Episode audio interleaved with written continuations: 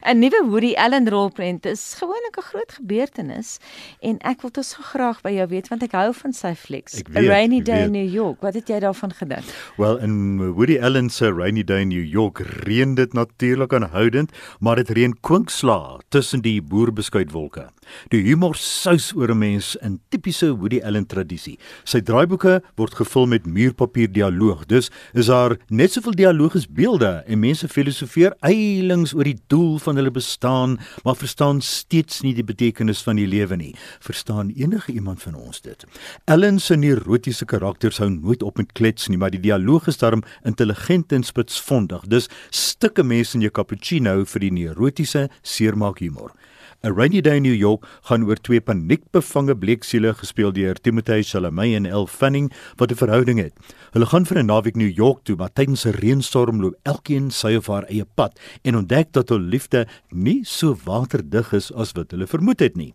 Nou as jy Woody Allen ken, weet jy wat om te verwag. Sielkundiges sal hande in die hare sit oor al die emosionele bagasie wat uitgestort word. Maar ons lag darm lekker vir hul romantiese oor die voete vallery. Wat is 'n breel saam vir 'n rainy day in New York? Ek gaan kyk weer bietjie hoe reën lyk want ons het dit maar lanklaas gesien. 7 uit 10. Inderdaad. Vir elke komedie is daar ook 'n gewelddadige thriller gewoonlik as teenvoeter.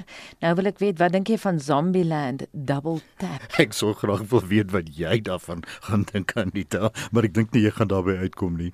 Zombieland Double Tap is 'n gitswart komedie vol bloed, maagsere, afkoppe, oë wat oor wange hang en verrottende liggame. Nou kyk as jy nog steeds nie afgesit is hierna nie, is hierdie jou soort film.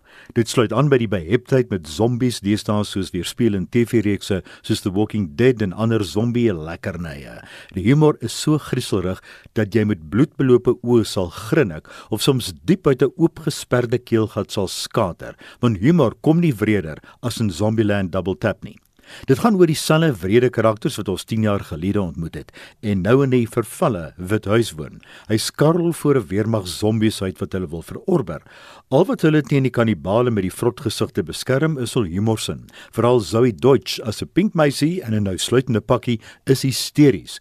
Woody Harrelson en Emma Stone is nonchalant snaaks en trek hul skouers op elke keer as 'n zombie aan flarde geskiet word.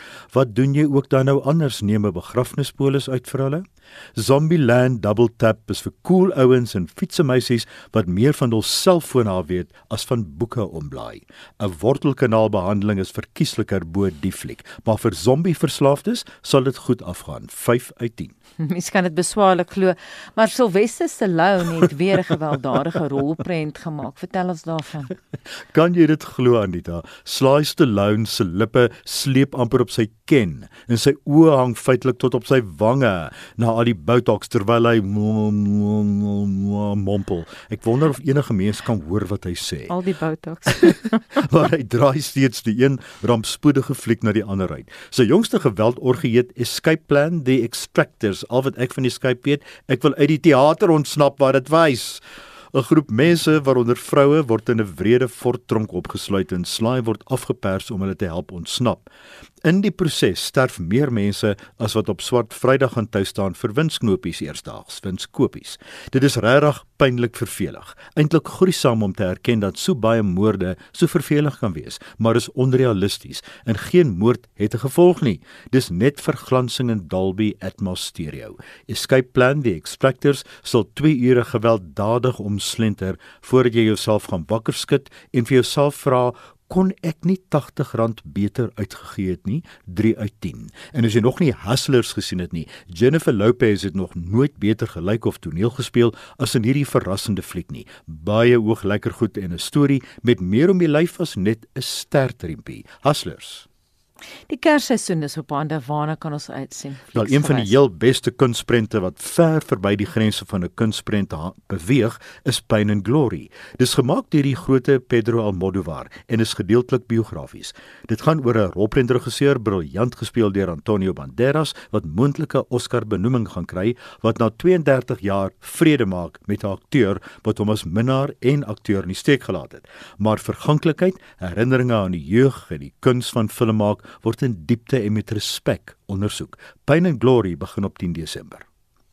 Die grootste nuus is natuurlik dat die jongste en heel laaste Star Wars rolprent op 20 Desember open net voor Kersfees met die lang titel Star Wars Episode 9: The Rise of Skywalker. Hierin word die Star Wars sage wat ek dink in 1977 begin het, uiteindelik voltooi. Daar is groot spesiale effekte en ruimteoorloë soos jy nog nooit tevore gesien het nie. Die rebelle beklei teen die sogenaamde First Order en 'n titaniese stryd vind plaas met Daisy Ridley en Lupita Nyong'o.